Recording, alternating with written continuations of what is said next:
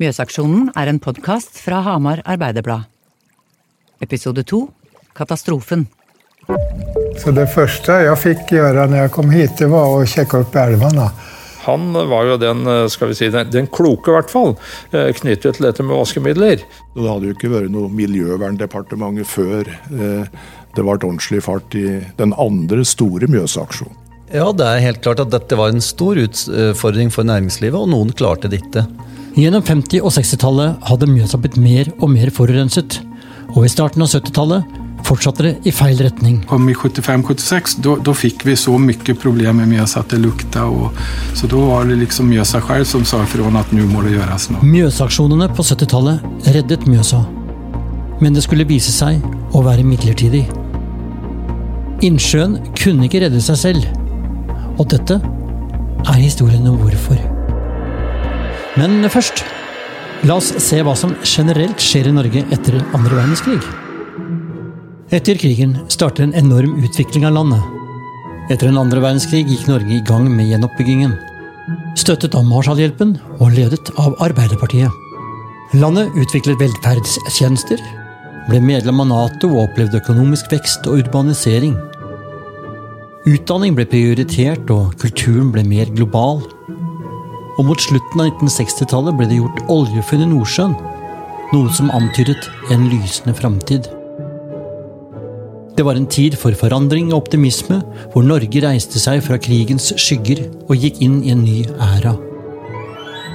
Så da Prøysen seilte på Mjøsa på 60-tallet, hadde Arbeiderpartiet styrt Norge trygt inn på sporet av industrialisering, kraftutbygging, FN og oppbyggingen av det vi kjenner som velferdsstaten. Men med denne utviklingen i velstand er innbyggerne i Norge blitt forbrukere. Nøysomhet, hjembruk og sirkulær økonomi. Alt det vi kjente fra bondesamfunnet, var nå i ferd med å bli glemt. Folk rundt Mjøsa vasket de nye klærne med fosfatholdige vaskemidler. Privatbilismen økte. Det moderne jordbruket gjødsla med mineralgjødsel, og industrien kunne fortsatt bruke kjemikalier og slippe ut røyk med avfallsstoffer. Så frem mot slutten av 60-tallet ble Innlandsfjorden påvirket av bebyggelsen og de aktivitetene som omkranset Mjøsa. Men drikkevannet ble hentet fra Mjøsa, samtidig som kloakken ble sendt tilbake til innsjøen. Ingenting ble renset, og folk merket at drikkevannet både smakte og luktet. Ja, du kan si hvis du har leid inn på et hotell på Astoria og skal dusje om kvelden og får algesmak i munnen når du skrur opp dusjen. Det var flere som var litt forbanna, ja.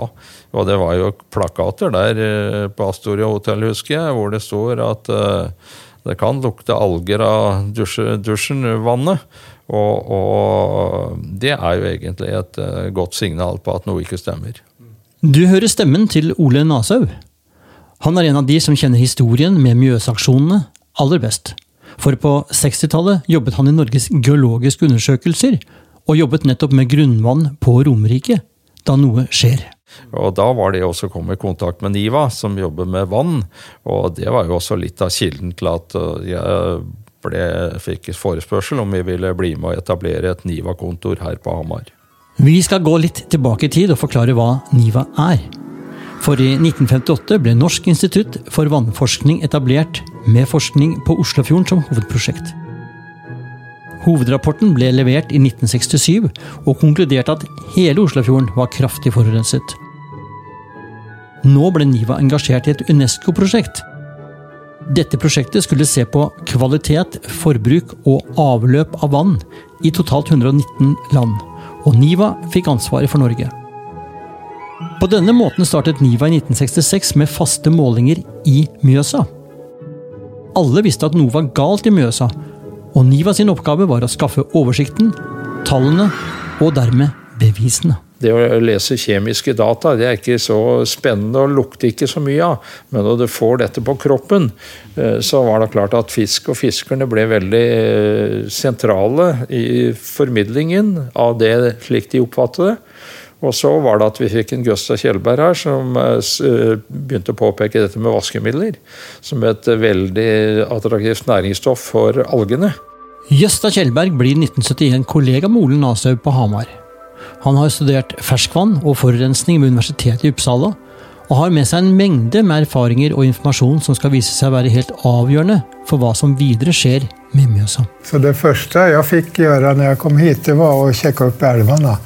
Och då tog jag och fotgick de där älvarna mer eller mindre. Jag körde ju bil då, hoppade ner och tittade. Men, Og och sen använde jag mig av biologin väldigt mycket när det gjelder å kartlegge alle elver og bekker når det gjelder förorening. Han var veldig aktiv i felten, og det likte jo også jeg, å være ute i felten. Og det var vel det som også medvirket til at vi fikk så god respons. NIVA sine data bekreftet at forurensningen i Mjøsa var sammensatt. Det var både industri, jordbruk og privathusholdningene som bidro til forholdene, og media likte det de unge forskerne kunne fortelle. Media var veldig flinke til å følge opp det vi sa. Kanskje ikke like populært utad i alle kretser, men eh, det skapte i alle fall en positiv holdning til at dette må vi bare ta tak i. Lokalavisene var flinke til å følge opp det som skjedde med Mjøsa. Og den 1. november 1972 er det at journalist Egil Torpmann Hagen i Hamar Arbeiderblad skriver følgende. Husmoren kan bidra til Mjøsas redning. En samlet aksjon vil gi øyeblikkelige virkninger. Det er ganske på det rene at husmødre ved en samlet aksjon kan bidra til å redde Mjøsa og alle andre vannkilder fra forurensningsspøkelset. En slik aksjon vil få øyeblikkelig virkning. Denne artikkelen skulle vise seg å være starten på det som senere ble kjent som Husmoraksjonen. For i 1999 kom en rapport fra Statens institutt for forbruksforskning som pekte på hvordan én artikkel fører til en folkebevegelse og holdningsendring. Her hører du forsker Harald Trone Holst i et opptak fra NRK. Men så var det da en lokalavis, da, Hamar Arbeiderblad, som kom med ideen om at husmødrene kunne gjøre noe. Og husmødrene gjorde noe. De tok, tok, ideen og begynte å spørre butikkene og begynte å prøve ut de fosfatfrie alternativene som var. Og Innen et år var gått, så hadde det kommet i stand en frivillig avtale mellom eh, Miljøverndepartementet og vaskemiddelprodusentene, som reduserte fosfatinnholdet i de mest populære tøyvaskemidlene. Så de hadde en uh, hurtig effekt. og Morsomt er det også at, at saken ble nevnt fra Stortingets talerstol allerede en måned etter at ideen var lansert i Hamar-området. På den andre siden av Mjøsa, i Gjøvik, så var det Oppland naturvernforening som hjalp å få, få i stand organiseringen. Denne aksjonen skjedde ikke av seg selv. For gjennom 60-tallet hadde man sett demonstrasjoner og aksjoner mot vannkraftutbygging i Norge. Sivil ulydighet var begrepet man brukte om aktivister som lenket seg fast og trosset politiske bestemmelser. Kvinnefrigjøring og likestillingsdebatten var også høyaktuell i Norge. Det var særlig kampen for selvbestemt abort som fikk medieoppmerksomhet, så husmoraksjonen mot fosfatholdige vaskemidler blir et tydelig uttrykk for kvinners selvbevissthet og handlekraft. Jeg syns husmoraksjonen er fantastisk, egentlig. Altså, for det er et av de første eksemplene i Norge der det er en, eh, altså en forbrukerinitiert eh, miljøaksjon. For dette er altså noe Tarjei husmor... altså Det er Gjøvik husmorforening. Det er liksom ikke radikale rødstrømper som går foran her. altså. Og det er Østre Toten eh, Bondekvinnelag. Eh, de sier at eh, vi forskere på NIVA sier at vi i vaskepulveret som vi bruker når vi vasker skjorten til mannen min, de inneholder fosfater. Og det er skadelig for livet i Mjøsa. Der finner vi oss ikke tid. Vi vil ikke være med og bidra til å forurense Mjøsa, sier de. Samtidig er 1972 et spennende politisk år. Det er Arbeiderpartiet med Trygve Brattelis første regjering som har ansvaret, og de tar signaler fra miljøvernbevegelsen. Så den 8. mai etableres Miljøverndepartementet. Men etter flere års politisk debatt i Norge skal det i september settes punktum for en viktig strid. Og til slutt det endelige resultat. Et klart nei. Jubel i motstandernes hovedkvarter. Med et nei til EF må Bratteli-regjeringen gå av, og Lars Korvald danner sin regjering i oktober. Men ved stortingsvalget ett år etterpå blir det Trygve Brattelis andre regjering som får ledelsen tilbake. Tor Halvorsen fra Arbeiderpartiet blir med dette Norges fjerde miljøvernminister i løpet av et drøyt år. Til tross for denne uroen, samtlige kommuner rundt Mjøsa ledes av Arbeiderpartiet, og med kontroll på både Miljøverndepartementet og regjering blir den alvorlige forurensningssituasjonen i Mjøsa hørt av Stortinget. I november 1973 blir den første aksjonsplanen for Mjøsa vedtatt. Det blir bevilget 60 millioner kroner til bygging av renseanlegg og ledningsnett til kommunene rundt Mjøsa. Og dette er starten på den lille Mjøsaksjonen med midler fra staten. Kommunene støttet så opp dette her, og snart var den såkalte Mjøsaksjonen i gang for å kutte ut disse avløpene. Det var særlig fra boligkloakken, disse største byene, og så kom industrien, og etter hvert kommer jo da også landbruket med. Ja, Innlandet Lille er jo også i utgangspunktet en del av del av de første renseanleggene, begynner jo altså planleggingen rundt de kommer. Og så begynner jo også den store delen knytta til, til, forbruker og, og, til alle de.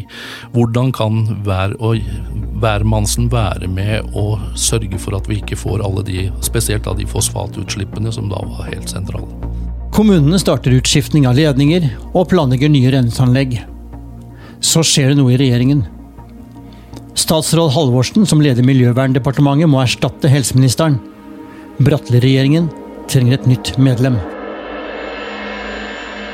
Det trengtes et politisk mot og et statlig engasjement, og det er her Gro Harlem Brundtland kommer inn.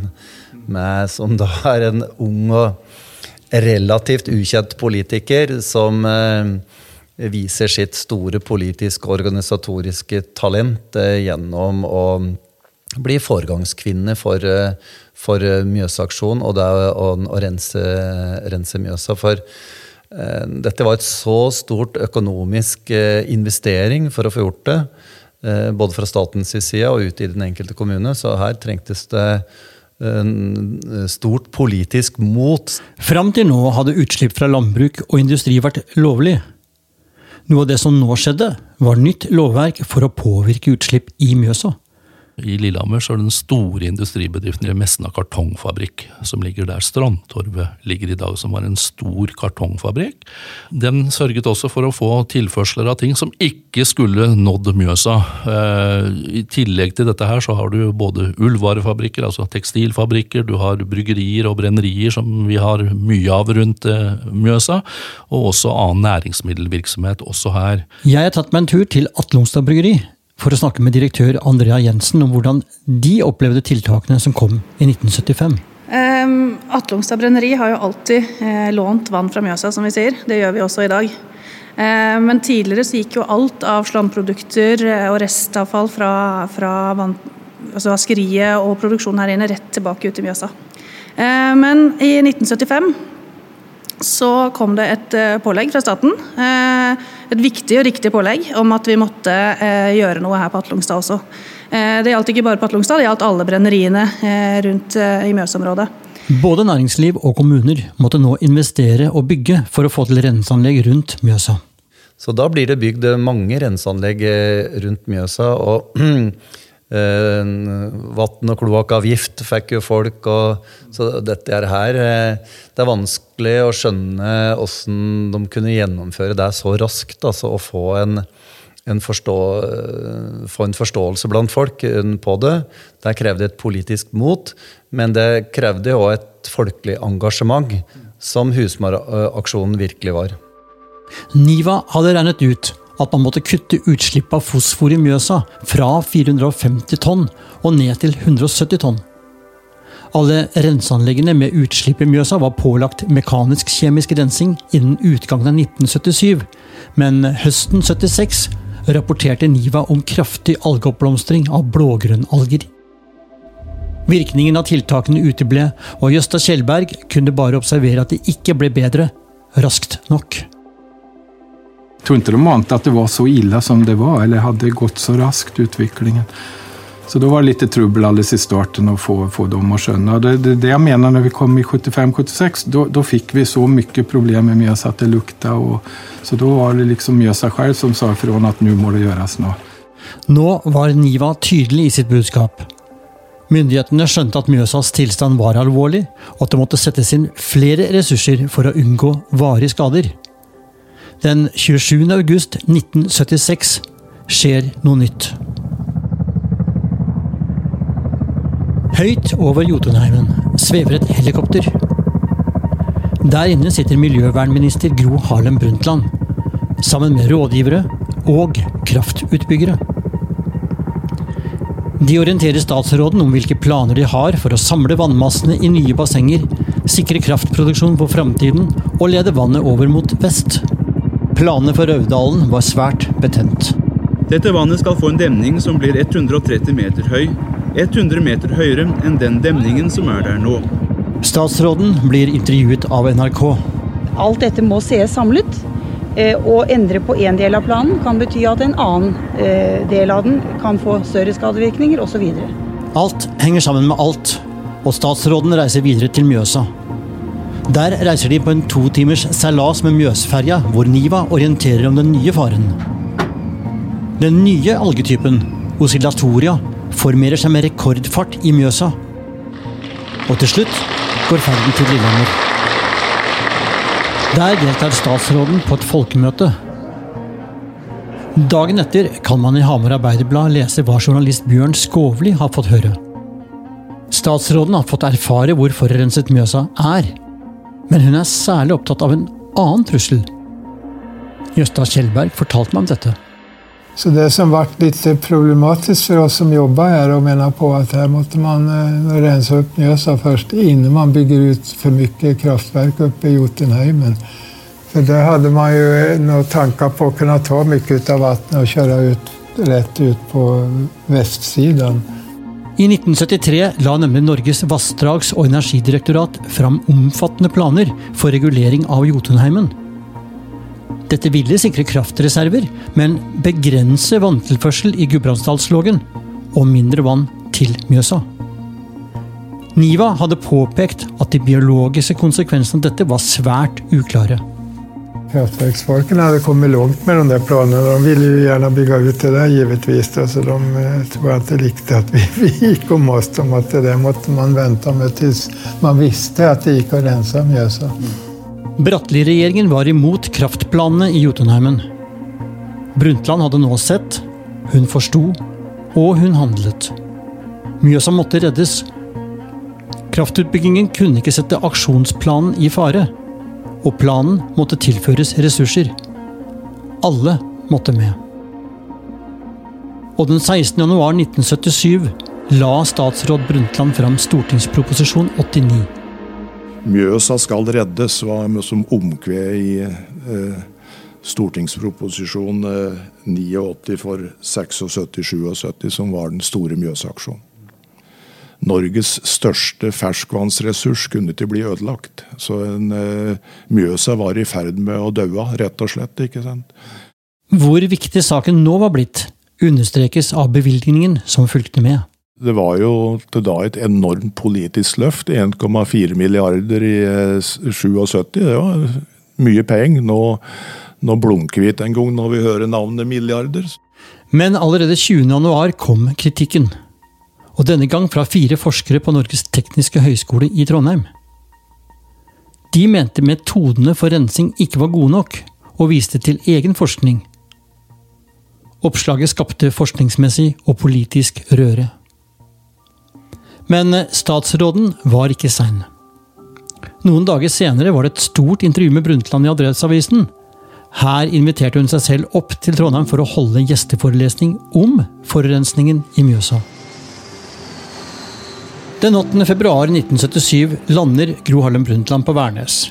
Og etter et innledende møte mellom staten og høyskolen holdt hun sin forelesning foran et fullsatt auditorium med 700 studenter.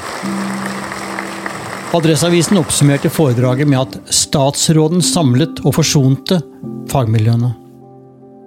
Kritikken døde, og den store Mjøsaksjonen kunne starte.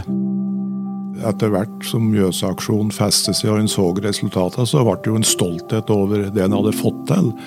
Men samtidig så eh, er jo noe av det fineste i det norske folkestyret er jo at eh, når viktige ting skal gjøres, store ting skal gjøres, så det, har, vi, har vi hatt en evne til å jobbe på tvers av partilinjer for å få gjort jobben. Det, og det er mange eksempler på det. Og Mjøsaksjonen var jo òg en slags felles løft for det politiske Norge.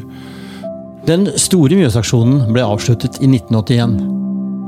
Da hadde utslippene i Mjøsa kommet ned på 190 tonn fosfor. Norges største miljøkrise var avverget. Men hvorfor måtte det gå så langt? Og hva kan vi lære av en slik aksjon? I tredje og siste episode skal du få høre hva de som var med, har lært av hendelsene og prosessene. Og jeg skal få møte de som i dag jobber med overvåkning, sikring og forskning på hvem er Mjøsa. Du har hørt andre av tre episoder i podkastserien Mjøsaksjonen. Dette er en podkastserie fra Hamar Arbeiderblad, laget av Laget Tune Myrberget for Storyphone og Fabelaktiv. Du har hørt arkivopptak fra NRK og Statsforvalteren. Du finner flere episoder der du lytter på podkaster. Og vi høres i neste episode.